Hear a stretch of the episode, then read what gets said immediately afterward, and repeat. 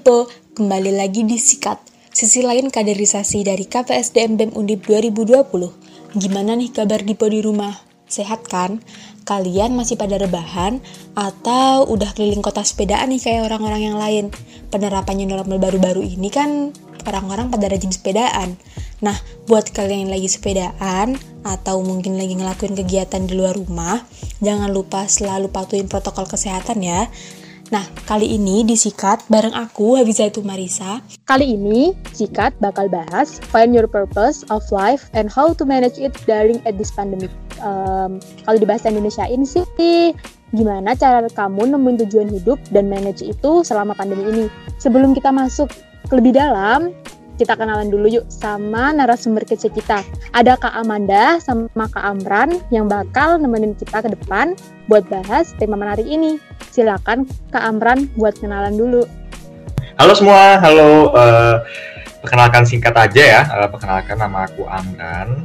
Aku dari psikologi angkatan 2016 dan alhamdulillah sudah lulus wisuda online. Halo teman-teman semua, salam kenal. Nama aku Amanda Margaret. Aku adalah di S1 Teknik Perkapalan Udah gitu aja sih.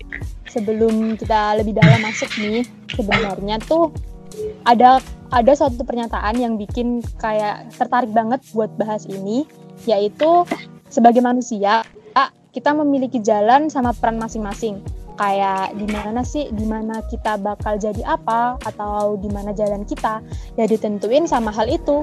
Jadi kayak pernyataan itu tuh mancing kita buat ya pokoknya kalau lo hidup ya harus punya tujuan hidup kayak gitu tapi buat beberapa orang tujuan hidup tuh kayak bukan sesuatu yang penting kayak ya udah aku hidup ya sesuai improvisasi aja nggak ada pakem tertentu buat menjalani hidup mereka. Jadi mereka seakan-akan hidup ya buat diri mereka sendiri.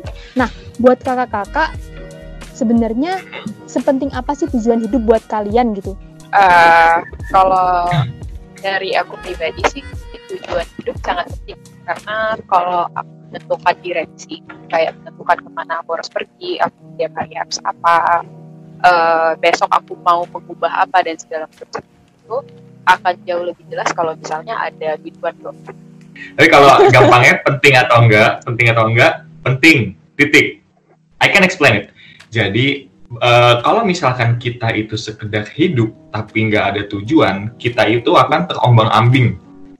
Bayangin kamu pengen menuju ke Man ke Semarang misalkan, aku butuh peta kan. Oke, okay, misalkan kalau nggak ada Semarang tujuannya kita tuh nggak tahu ke arah mana. Nah menurutku kenapa itu penting? Karena ketika kita ada tujuan itu kita akan bisa mendefinisikan langkah-langkah konkret ya kan? Organisatoris banget kan konkret ya kan? Langkah-langkah konkret untuk menuju tujuan itu. Nah kalau misalkan nggak ada tujuan itu ya mau nyusun langkah apa malah bingung. Jadi kesannya malah ikut-ikutan orang yang belum tentu jalan yang orang yang kita ikutin itu sesuai dengan diri kita, sesuai dengan apa minat, bakat, passion maybe. Kayak gitu. Jadi itu penting menurutku. Terus kan kayak yang aku tadi bilang kan kak, kayak hmm. semua orang itu punya tujuan hidup kayak mereka hidup ya udah hidup ya hmm. hidup aja kayak aku hidup ini ya pikirin aja besok kayak gitu nah dari hmm. kakak sendiri yang udah jelas punya tujuan hidup dan itu menurut kakak penting? Gimana sih kakak untuk tahu apa tujuan hidupnya gitu? Kan kadang hmm. beberapa orang susah ya, kayak tahu aku mau jadi apa atau mau ngapain gitu kan. Hmm. Mulai yeah. dari keamanan dulu. Oke, okay, jadi sebenarnya kalau tujuan hidup tuh ada beberapa orang yang mikir satu yang nggak berubah-berubah gitu. Nah, tapi sebenarnya menurutku pribadi ya itu tujuan hidup tuh berkembang atau menyesuaikan sesuai usia kita. Contoh dulu tujuan hidupku apa, cita-citaku apa. Aku dulu di TK tuh pengen jadi Ultraman, ya kan? Terus pas SD, pas SD aku pengen jadi Power Ranger. Terus pas SMP pengen masuk negeri misalkan. Terus pas kuliah pengen pengen kuliah psikologi kan. Jadi kan ada tujuan yang berubah gitu. Ya karena ya kita makin tua pun makin realistis ya kayak oh ini nggak mungkin mana mungkin ada Ultraman ya kan oh, tapi mungkin ada di masa depan aku nggak tahu sih nah terus jadi kalau menurutku ya cara mudah itu pertanyaan terbesarnya kan adalah gimana kita tahu meaning kita tuh apa, makna hidup atau tujuan hidup kita tuh apa.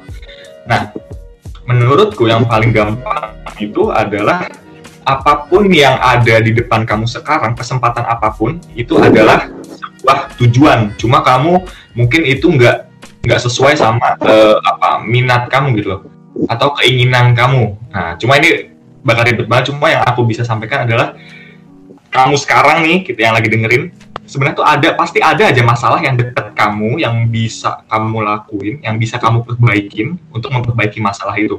Aku kasih contoh biar lebih konkret ya. Contoh aku dulu tuh pas mau uh, kuliah di psikologi, itu aku bingung banget karena kan masih itu dulu dapat jatah SNM ya terus aku bingung milihnya apa nih? Kan harus ya kalau bisa terima SNM kenapa enggak gitu kan? Terus aku ini agak lucu sih jadi ketika pas SMA itu kan aku ya Amanda pasti tahu nih. Oke cerita aku mantan punya enam ya kan? Aku di, di diputusin semua gitu kan. Nah terus kenapa ya aku diputusin? Terus terusan enam enam kali betul gitu. Nah itu kan ada suatu masalah itu masalah tuh jelas di depan cuma kadang-kadang uh, kita tuh nggak sadar ada masalah di depan kita atau di dalam diri kita gitu. Nah ketika ada masalah itu dengan berlandaskan masalah itu aku mikir oh iya kayak gue harus memperbaiki diri gue nih. Apa ya jurusan yang tepat yang cocok kayak kira bisa memperbaiki diri gue sekalian? Psikologi kali ya. Oh oke okay deh psikologi terus cari udah tuh jadi ya jadi mahasiswa psikologi gitu kan. Nah jadi kayak meaning itu nggak harus apa ya sorry tujuan tujuan hidup tuh nggak harus kalian uh, definisikan di awal dulu sekonkret apa pun itu nggak perlu. Tapi yang penting kalian tuh coba deh kalian ngira-ngira aja kira-kira apa ya. Misalkan ada opportunity untuk jadi anggota BEM. Oh ada. Take it aja. Take it dulu aja. Nanti ketika itu baru bisa mulai adaptasi di uh, keberjalanannya. Uh, selain mengambil banyak tes personality yang bisa kalian ambil dan lihat gitu kemungkinannya apa saja selain daripada itu sih aku sebenarnya sampai sekarang ketemu dua hal yang menurut aku uh, cukup praktikal ya untuk menentukan purpose of life. Yang kan ini Kamran pasti tahu juga ini kayak aku yang pertama itu yang aku pegang sampai sekarang adalah konsep ikigai sama yang kedua itu kaizen hmm. jadi uh, secara singkat secara singkat ikigai itu ada empat aspek. Jadi ikigai ikigai dan kaizen ini adalah dua konsep yang dipegang sama orang Jepang untuk bisa dapat tujuan hidup ikigai ada empat. Yang pertama uh, ada passion apa yang kita suka ada vision apa yang dunia bukan terus ada vocation. Uh, vocation sama uh, pokoknya semuanya kayak berempat. Ini benar-benar saling include satu sama lain. Ada passion mission vocation sama profession. Gitu kan. Kalau aku pribadi uh, sangat memegang kaizen untuk kehidupan sehari-hari karena kita bisa mengubah habit buruk menjadi habit baik uh, habit menghindari habit buruk yang menjadikannya habit baik atau sama sekali tidak meng, apa ya mengemban habit habit buruk itu lagi karena kaizen ini adalah um, six step cycle yang benar-benar ngebuat kamu jadi sadar tentang problem kamu apa dan uh, solusi itu apa kan aku sih sangat menyarankan anak-anak muda untuk bisa pegang konsep yang aku. Karena menurutku kalau aku pribadi aku lebih bisa mengerti sesuatu yang praktikal gitu kan, sesuatu yang emang ada teori. Nah, gak jauh-jauh nih, passion sama tujuan hidup tuh sama gak sih? Atau sebenarnya tuh mereka dua hal yang beda, tapi gara-gara sering bareng diomongin jadi mereka dibilang hal yang sama. Mungkin dari Kak Manda bisa jawab lebih dulu lah tentang passion sama tujuan hidup ini yang kayaknya sering rancu gitu. Uh, kalau misalnya aku pribadi megang ikigai kan, passion itu bagian dari tujuan hidup. Tapi kalau misalnya kamu hidup hanya dari passion kamu dan bukan dari ketiga aspek lain, misalnya kayak uh, gimana cara kamu dibayar, gimana cara kamu memenuhi kebutuhan dunia, gimana caranya kamu uh, bisa melakukan apa yang kamu suka. Karena passion itu kan uh, ada dua passion itu kan terdiri dari dua formula ya. Apa yang kamu benar-benar bertalenta di dalam suatu hal dan apa yang kamu sukain. Dan kalau misalnya kamu nggak bareng itu sama tiga hal lain ya pada akhirnya kamu nggak nggak nggak makan juga gitu. Sedangkan dunia ini dalam hidup dalam tujuan hidup kamu butuh kemampuan untuk bisa survive adalah dibayar. Jadi kalau misalnya ada orang yang bilang e, saya hidup untuk memenuhi passion saya ya boleh aja. Dan itu dan aku sangat menyarankan hal itu gitu. Jangan jangan untuk melakukan sesuatu yang kamu tidak suka gitu kan. Dan jangan menyerah pada kapitalisme pada akhirnya kan. Kamu kalau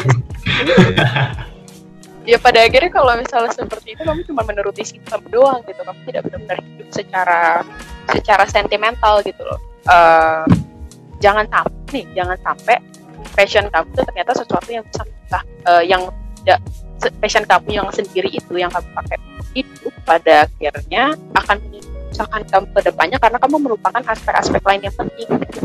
Jadi jangan sampai kamu digunakan oleh kata-kata seperti ini. Misalnya nih kita ambil contoh ya, misalnya dibilang tahu lah ya stereotipikal kalau misalnya orang tuh ngambil jurusan seni terus kayak dibilang gak bakal punya penghasilan dan segala macam gitu kan hmm. pada akhirnya gak bakal gak bakal bisa hidup stable dan gak bisa ekonomi uh, gak bisa dapat financial security sebagaimana dia bisa financial security yang gak ada. Ya point. Tapi padahal uh, seharusnya kalau misalnya orang-orang memang dengan passion dan pada akhirnya mereka bisa berpikir lebih jauh lagi untuk uh, berpikir tentang uh, profession, mission dan vocation mereka ya, baik, itu sebenarnya bisa menjadi bentuk yang sangat baik pada akhirnya. Jadi kalau misalnya passion bagian dari tapi jangan jadi itu aja satu-satu. Kalau menurut aku pada akhirnya akan merugikan kalian juga karena kamu tidak selalu makan nasi dan hanya passion kamu doang. Tapi kamu harus bisa berpikir gimana caranya kamu menghasilkan suatu output yang benar-benar bisa menunjukkan dari passion kamu. Gitu kalau dari Kak Amanda tadi kan berarti passion itu salah satu hal yang mendorong tujuan hidup gitu kan Kak. Maksudnya salah satu bagian dari tujuan hidup. Nah, kalau buat Bang Amran sendiri, sebenarnya dua hal ini tuh sama nggak sih? Atau Bang Amran punya pandangan yang lain tentang passion dan tujuan hidup ini? Iya, oke. Okay. Sebenarnya menarik banget ya Amanda ngebawa ikigai, ikigai kan. Itu konsep Jepang yang sangat menarik banget, yang sangat teoritis banget, yang apa, yang yang ada blueprint lah buat orang tuh hidup bahagia gimana dan itu menarik banget. Kalau kalian penasaran emang you should try untuk membaca itu sih. Nah, oke. Okay.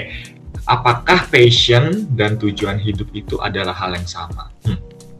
Kalau aku ya, kalau aku ini agak ekstrim sih pemikiranku cuma I just tell you anyway lah uh, jadi gini uh, passion itu adalah bagian dari bagian dari tujuan hidup lagi passion itu adalah obat ya obat untuk uh, me mereduksi atau mengurangi kekejaman dunia ini gitu loh Nah, aku mikir kayak gitu. Oke, okay, aku bisa jelasin kenapa bisa bilang kayak gitu. Karena passion itu kan suatu yang ketika kamu ngelakuin tanpa dibayar pun, itu kamu juga akan tetap lakuin itu gitu loh. Kamu senang ngelakuin itu tanpa dibayar pun.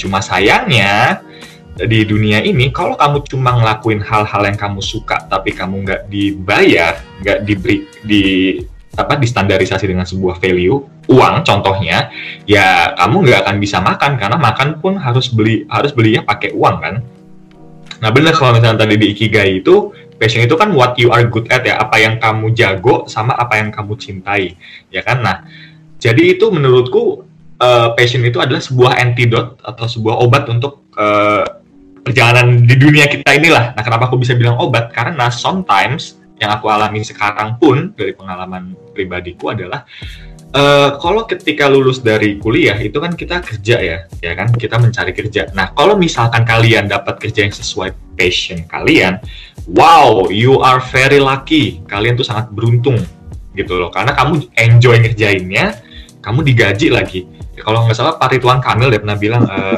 kerjaan yang enak itu adalah ketika hobi itu digaji ya kan, itu paling enak. Nah cuma sayangnya kalau misalkan apa kalau misalkan kita nggak ada passion tapi kan kita butuh kerja. Karena kita kerja itu untuk apa sih? Untuk nyari uang. Uang itu buat apa? Untuk uh, memenuhi kebutuhan primer kita. Makan sandang pangan papan ya kan? Nah nah di di sinilah yang ketika aku ketika dengar kalau misalkan ada saran follow your passion I think menurutku itu nggak nggak omong kosong sepenuhnya cuma ada sisi omong kosong yang menurutku ya.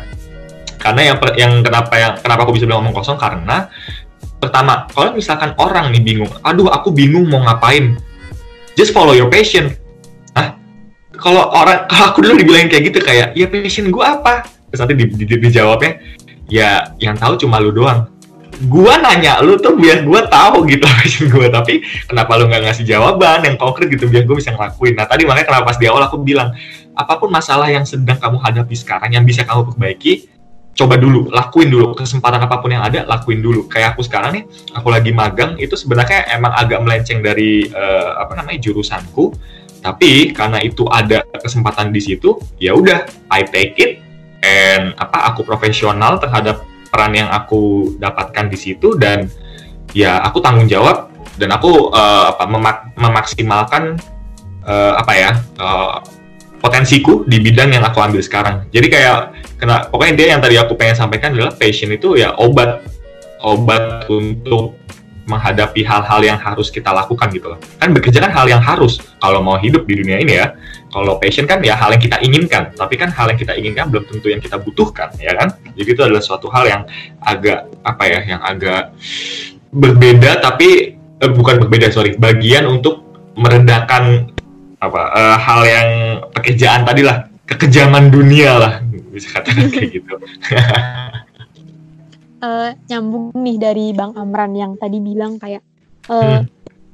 seseorang kan katanya kalau nggak ada nggak tahu mau ngapain ya disuruh kayak ya udah follow your passion gitu tapi beberapa orang yang tadi seperti Bang Amran juga hmm? kesusahan buat nemuin sebenarnya tuh passionku apa sih aku suka sama apa sih gitu jadi hmm. sebenarnya passion ini tuh ada hubungan yang kuat nggak sih sama pencapaian tujuan hidup kita atau sebenarnya tanpa passion pun kita juga bisa mencapai tujuan hidup gitu loh bang kan hmm. tadi hmm. dijelasin tentang konsep tiga yang dari Kak Amanda hmm dia punya empat hal itu kan nah mm-hmm. ketika satu hal ini yaitu passionnya nggak ada atau dia nggak bisa nyari atau dia nggak punya tapi ketiga halnya terpenuhi atau ya bisa dibilang kayak ya udah nggak tahu mm-hmm. passion apa yang ada di depan jalanin aja kayak gitu bisa nggak sih kayak mm-hmm. gitu atau emang passion itu hal yang penting gitu buat mencapai tujuan hidup kita Oke, okay, oke, okay. that that's a really good great question.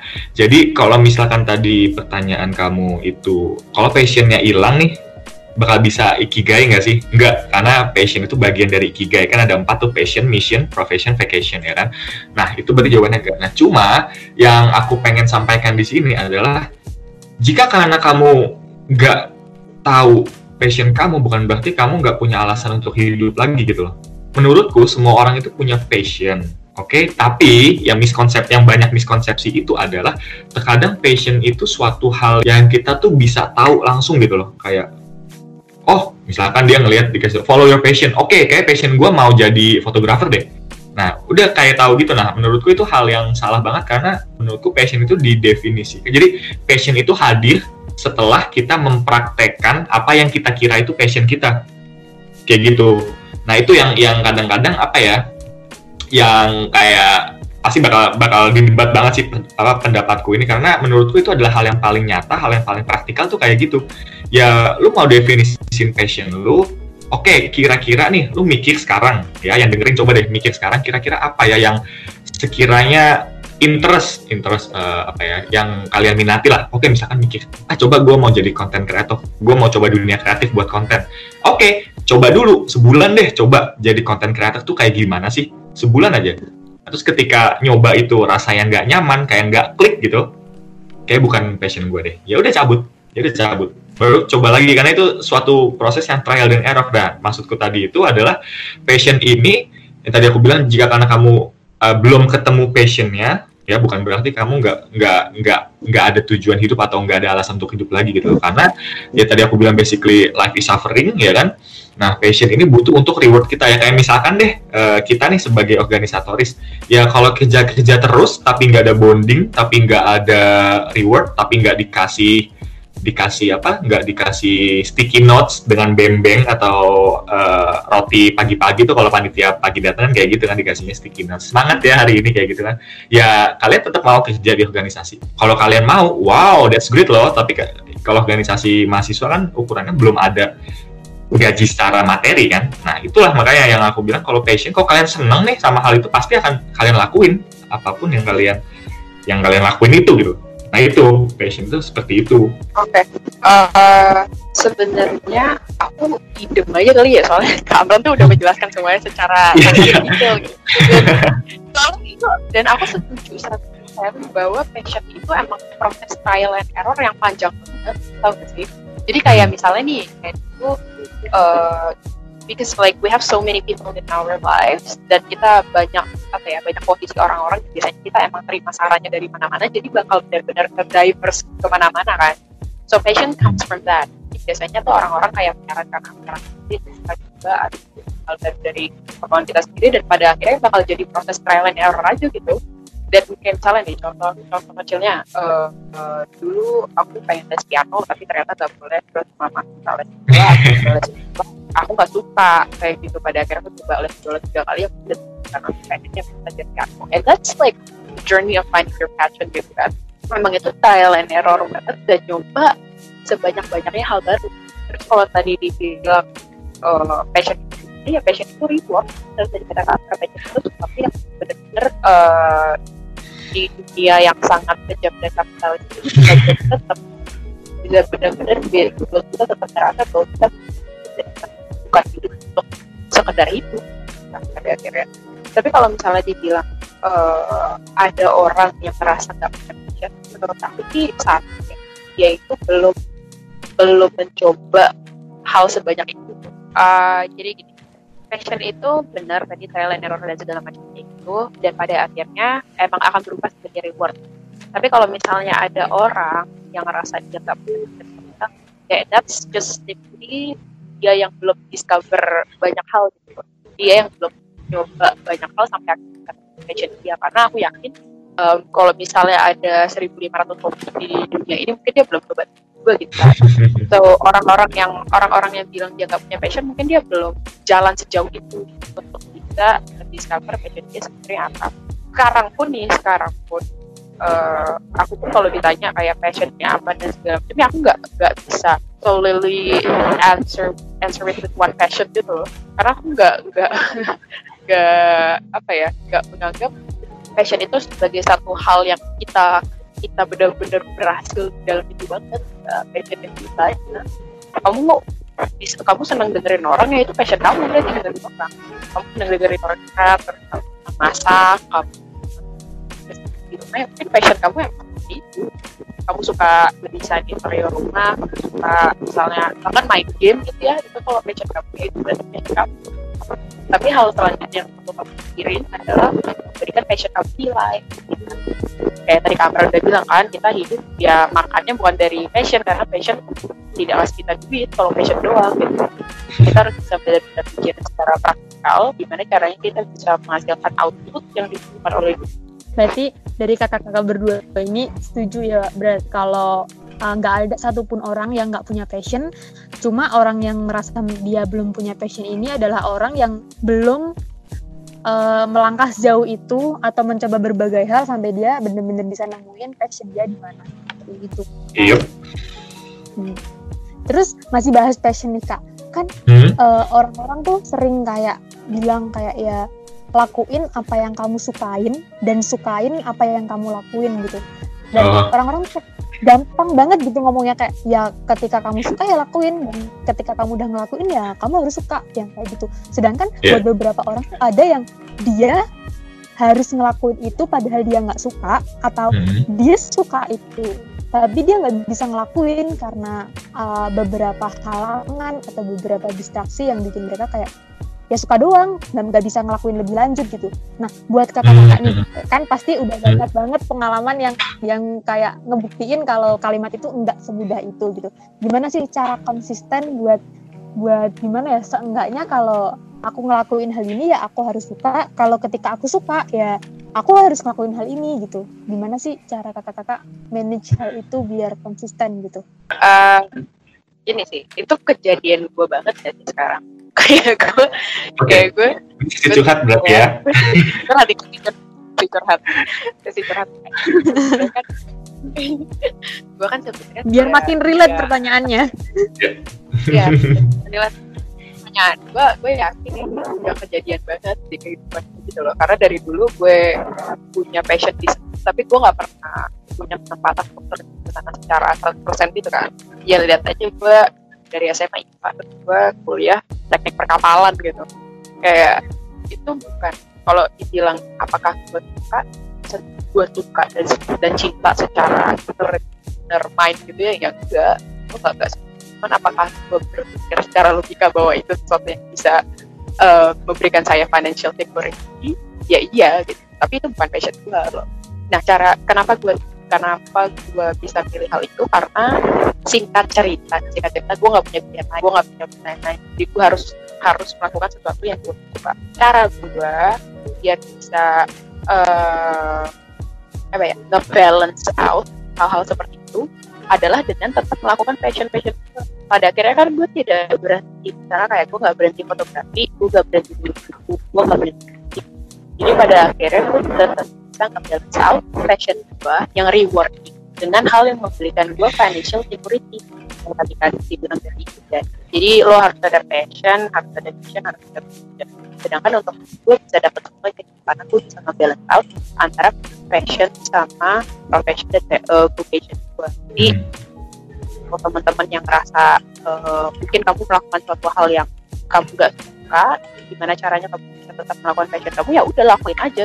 Di lain waktu kamu bisa lakukan passion kamu dan tetap um, uh, memberikan suatu output yang valuable dari passion kamu. Kuncinya sebenarnya cuma satu kalau dari aku pribadi ya. Sekarang yang secara praktis dan konkret adalah time management. Hmm. uh, kalau kamu bisa manajemen diri manajemen diri kamu sendiri dulu baru kamu waktu dan manajemen namanya pada akhirnya kamu bakal bisa nge-balance out semua hal di dalam hidup kamu. Dari uh, uh, nge-gym misalnya sehat kamu makan kamu kamu istirahat kamu kerja kamu pacaran kamu lain kan jadi mungkin iya guys. Itu yang aku saranin ke orang-orang yang ngerasa uh, ada yang kurang dari apa yang mereka lakukan karena mereka tidak melakukan passion mereka. Gue pengen ngingetin kalian bahwa lo masih bisa melakukan ini cuma aja. Hmm. Jadi kalau dari Kak Amanda tuh sebenarnya kita semua bisa ngelakuin hal yang kita suka dan hal yang harus kita lakuin bareng-bareng asal punya time management dan manajemen diri yang baik gitu kan Kak. Kalau kalau dari Bang Amran sendiri nih buat hmm. pernyataan itu gimana nih? Oh iya, aku ingat pertanyaan pernyataan itu itu kan ini ya quotes tumblr tumblr banget gak sih? Do what you love, love what you do ya kan? Yes, betul betul banget. ya kan? gitu, ketahuan gue sering main Tumblr. Oke, okay, jadi uh, gini sebenarnya yang menarik ya.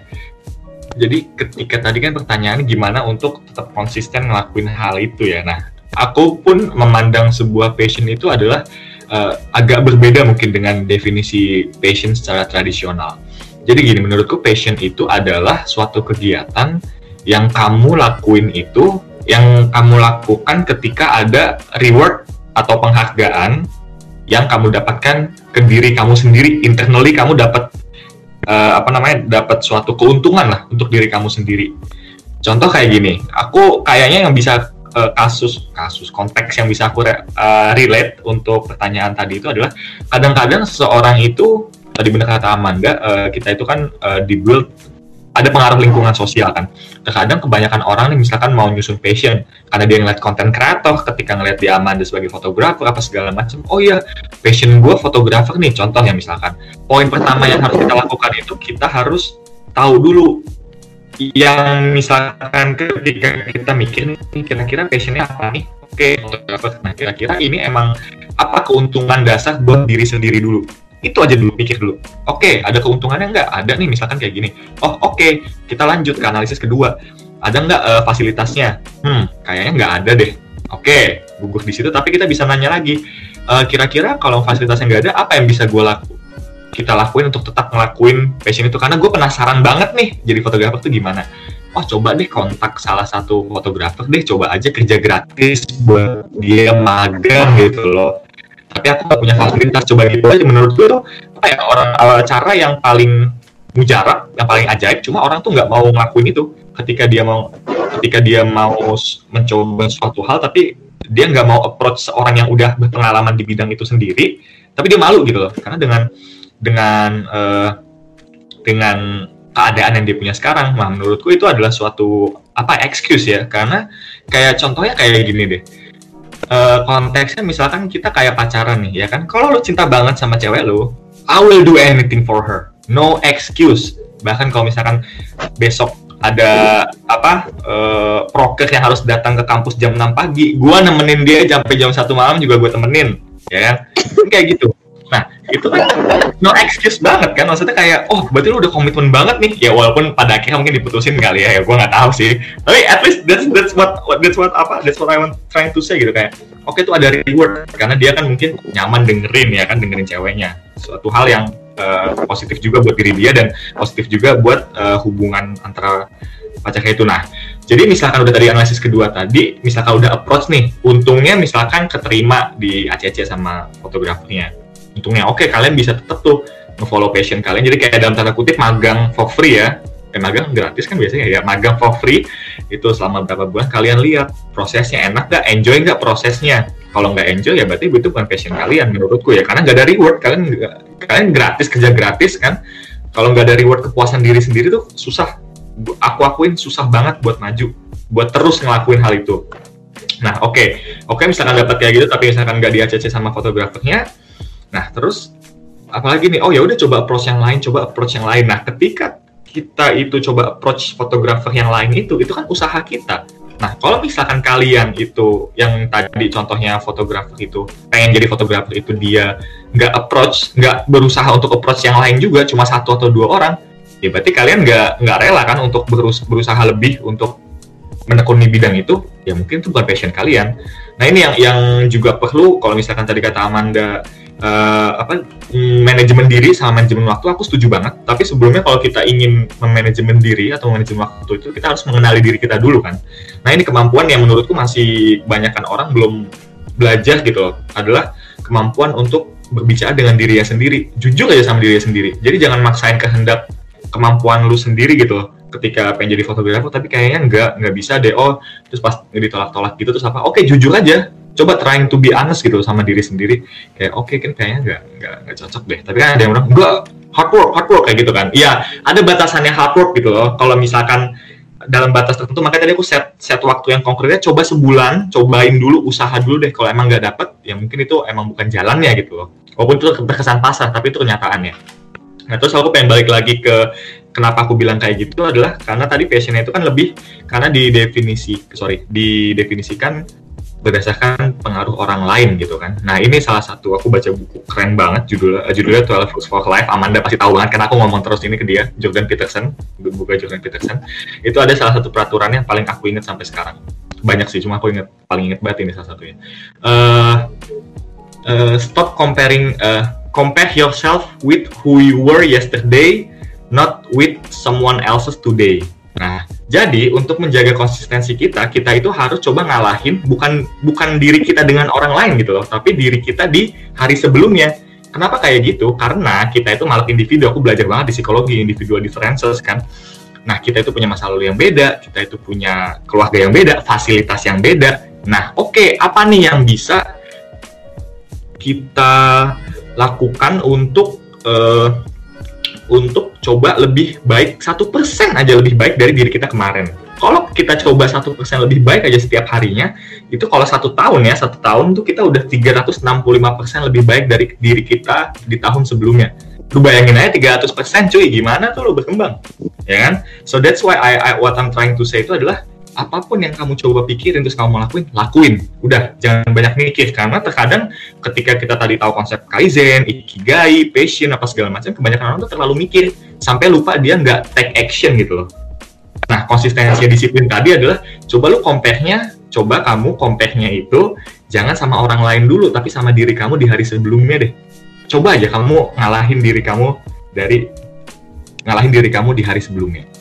And let's see what's happen karena aku penasaran banget sama orang yang bisa satu persen terus setiap harinya di akhir tahun nih. Karena sekarang udah berapa? Setengah tahun ya udah setengah tahun jalan kan? Terus kalau kalau sedih-sedihnya sih kayak coba deh sekarang udah setengah tahun apa yang udah kalian lakukan? Deng langsung. Ya Netflix uh, ya Drakor dua season Money Heist 4 season YouTube 5 jam kayak gitu kan ada beberapa kan. I think that's, that's, that's what apa that's what wasteful lah menurutku pribadi sih. Jadi gitu? Maksudnya untuk uh, di sum up ya di sum up itu adalah kalau mau tetap disiplin uh, susun sebuah rencana itu berdasarkan uh, apa untuk mengalahkan diri kamu di hari sebelumnya bukan orang lain di hari ini Hmm. Ini menarik banget sih kayak yang harus dikalahin sama diri kita ya diri kita sendiri bukan orang lain. Sedangkan lebih banyak orang yang kayak nge-compare dirinya ke orang lain dan itu kayaknya nggak akan selesai gitu loh kak. Iya nggak akan selesai. Orang banyak cuy. Karena orang tuh banyak. Oke kan kayak bahas tujuan hidup bahas passion bahas ikigai gitu kan. Nggak lengkap kalau rasanya kita nggak ada planning gitu kayak rencana gitu. Kan, Hmm. kan pasti buat beberapa orang udah nemu nih tujuan hidupnya udah nemu aku ntar mau jadi ini gitu. Tapi kadang buat orang ke sana mencapai titik itu tuh mereka nggak punya planning yang jelas. Kayak mereka bingung gitu. Eh, aku udah ada nih pengen plan A cuma kayak eh, tujuanku A gitu. Cuma rencanaku kayak kok masih ngawang gitu ya kak? Kayak apa ya masih bingung gitu gimana Hmm. nyusun rencana mereka buat mencapai tujuan itu. Nah, buat kakak sendiri, gimana sih cara ngebuat plan supaya tujuan hidup yang kakak punya itu kewujud? Kayak misal nih, kakak kan dulu eh, misalnya pengen mencapai A, terus kita bikin plan caranya gini buat mencapai A. Nah, dari kakak tuh gimana sih cara bikinnya? Terus Hmm. bentuk plan seperti apa yang kira-kira dibuat? Eh, itu harian kah, bulanan kah, atau langsung plan secara gede gitu?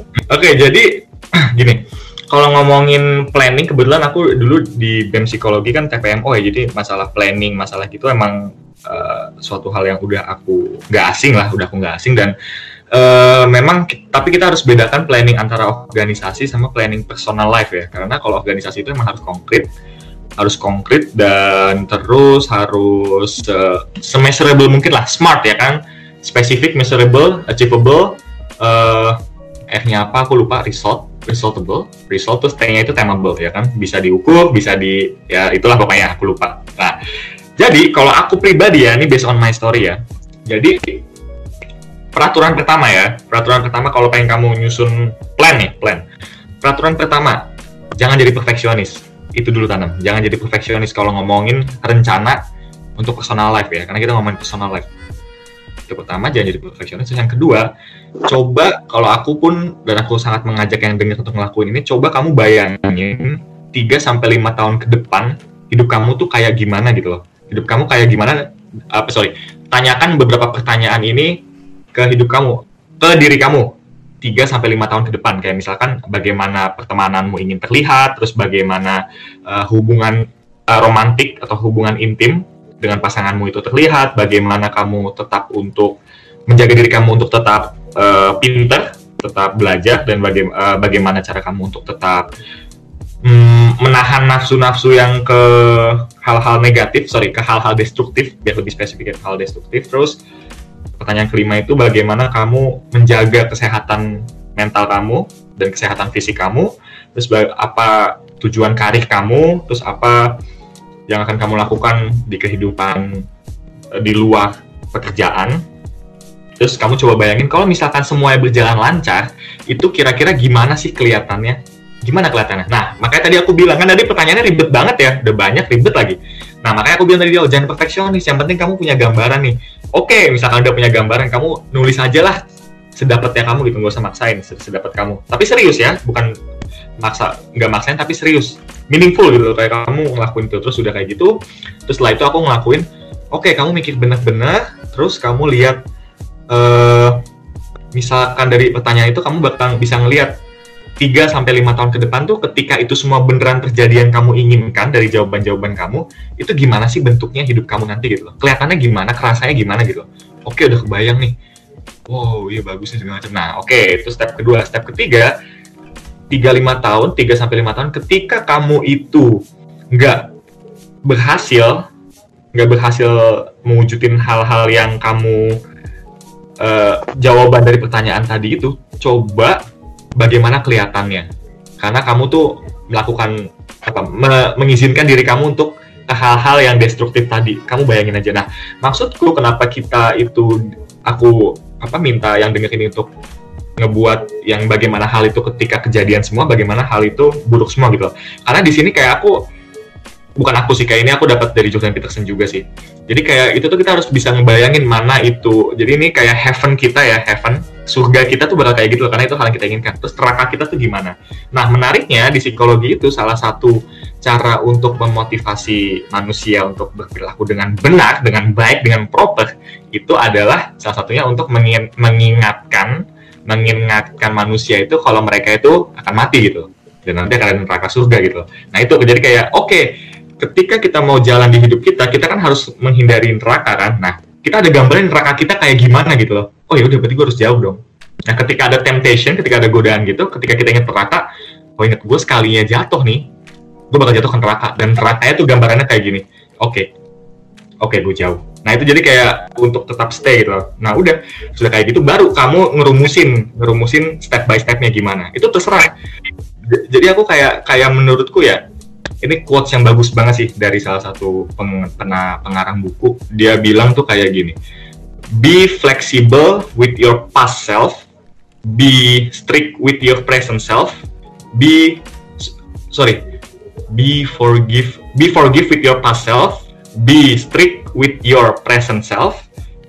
Be flexible with your future self. Jadi intinya, ja- eh, maafkanlah diri kamu di masa lalu, tegaskanlah diri kamu di masa kini, dan fleksibel fleksibel lah sama diri kamu di masa depan. Karena masa depan kita nggak bisa prediksi kan tapi kita bisa nyusun rencana. Nah jadi rencana kita susun ini harus sefleksibel mungkin jangan strict terlalu strict. Karena kalau terlalu strict terkadang terkadang bukan berarti nggak harus disiplin ya harus disiplin juga. Terkadang kalau strict banget bahkan kita malah jadi stres juga gitu. Kayak gitu sih. Itu kompleks banget ya tapi get gak get lah ya Hmm, Jadi kalau dari Bang Amran tuh lebih ke kayak kita nyari dulu, ngebayangin dulu, ngerumusin, tapi juga jangan terlalu tegang. Kita harus nyiapin kemungkinan-kemungkinan buat plan kita kalau misalnya ada gagal atau apa gitu. Oke, Betul. oke. Dari Kak Amanda sendiri gimana nih?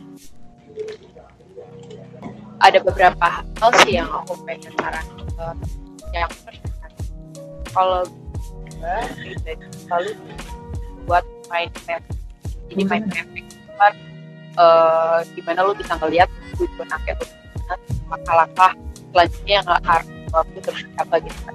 Misalnya kayak tahun 2020 lo mau ngapain aja yang apa aja dan ya tau lah mind mapping kan. Itu pasti sering juga bikin. Untuk yang belum tahu bisa cari bentukan bentuk aja seperti apa.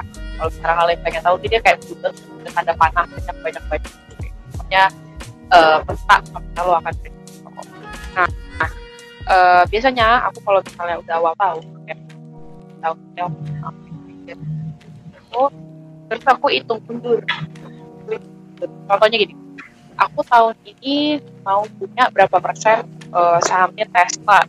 Misalnya kayak gitu. misalnya misalnya suka trade saham karena deh terus eh, aku breakdown lagi oh aku butuh duit bisa eh, trade saham eh, untuk bisa beli sahamnya Tesla berapa persen.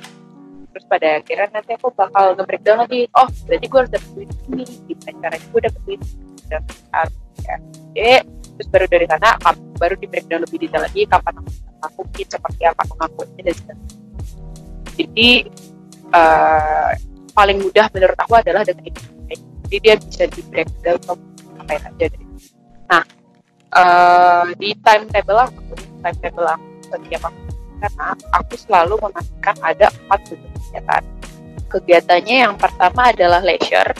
Leisure ini adalah passion kamu. Apa yang bisa kamu lakuin dan membentuk output dari sana dan buat kamu merasa rewarded. Yang kedua ada compulsory activities. Itu adalah hal-hal yang kamu wajib lakukan tapi kamu tidak dapat reward apa apa contohnya kayak kuliah. Pada umumnya kuliah dan ngelakuin tugas-tugas kayak gitu ada profit activities profit activities adalah hal-hal yang menghasilkan kayak kamu kerja. Terus eh, ada namanya vacation hal-hal yang biasa bikin kamu liburan terus kamu akan kamu nulis aja kayak mandi, mandi berapa menit yang benar-benar mandi gitu ya yang benar-benar terasa mindful dalam mandi gitu. Itu termasuk vacation kalau menurut dan ada keempat hal ini yang selalu aku ke tujuan hidupku pada akhirnya. jadi di timetable aku ya aku harus melakukan empat aktivitas ini yang bisa mengantarkanku semakin ke misalnya kayak tadi beli saham Tesla ya persen berarti dari compulsory uh, compulsory activities aku harus nambahin apa dari profit oriented activities aku harus nambahin apa biar bisa nambahin beli sahamnya Tesla. Kan? Jadi biasanya uh, the idea is that sih tentuin semua yang tentuin setiap harinya. Kayak tadi kak Amra bilang setiap harinya uh, sesuatu yang bisa mengantarkan kamu selangkah lebih dekat kepada jadi konsisten jadi ya dan jangan takut kalau misalnya kalian tidak melaksanakan rencana A uh, tidak terlaksana dengan rencana A dan tidak tertuju tujuan A kalian harus bisa juga punya seperti itu gunanya mind map jadi mind map juga biasanya nggak nggak rencana nggak tujuan A doang jadi tujuan B C D selanjutnya pasti ada dan alternatif solusi dari analisa hambatan pasti juga ada gitu. nah, risk analysis kalau misalnya kalian tapi itu berguna ya aku yakin Kak Amran juga di organisasi pakai itu gitu. Hmm. karena kalau misalnya buat event atau kita uh, bangun ya misalnya kalian mau bangun perusahaan atau gimana ya tapi pada akhirnya ada risk analysis karena hal itulah yang bakal menunjukkan kalian untuk bisa pre buat kalian prepare kalau misalnya kalian ngadepin suatu permasalahan dan kalian gak bakal kehabisan opsi dan ide itu sih nah. hmm, berarti yang bisa aku simpulin dari uh, Kak Amran sama Kak Amanda itu uh, bikin planning sesuai dengan uh, apa yang mau kamu rencanain. Terus habis itu jangan menutup diri buat improvisasi. Jangan terlalu ketat lah intinya sama planning kamu meskipun kamu harus disiplin tapi jangan menutup kemungkinan kalau planning itu harus bisa diubah kalau misalnya ada hal-hal yang kita nggak inginkan kejadian. Yep. Wah, kita udah dapat banyak banget ilmu nih dari Kak Amran dan Kak Amanda soal tujuan hidup dan bagaimana cara manage itu selama pandemi kayak gini. Tapi nih Dipo, buat kalian yang lagi dengerin di rumah, obrolan aku, Kak Amanda dan Kak Amran kali ini nggak sampai di sini aja loh. Masih banyak banget hal-hal menarik tentang tujuan hidup dan bagaimana cara manage itu selama pandemi yang akan kita bahas nanti di part 2. Jadi buat kalian yang masih kepo nih tentang pembahasan kali ini dan masih pengen dapat banyak ilmu soal tujuan hidup dan cara manage-nya, jangan lupa terus pantengin Sikat. Sampai jumpa di Sikat episode selanjutnya. Jangan lupa dengerin part 2 dari Find Your Purpose of Life and How to Manage It dari at this pandemic bareng aku, Kak Amran dan Kak Amanda. Sampai jumpa.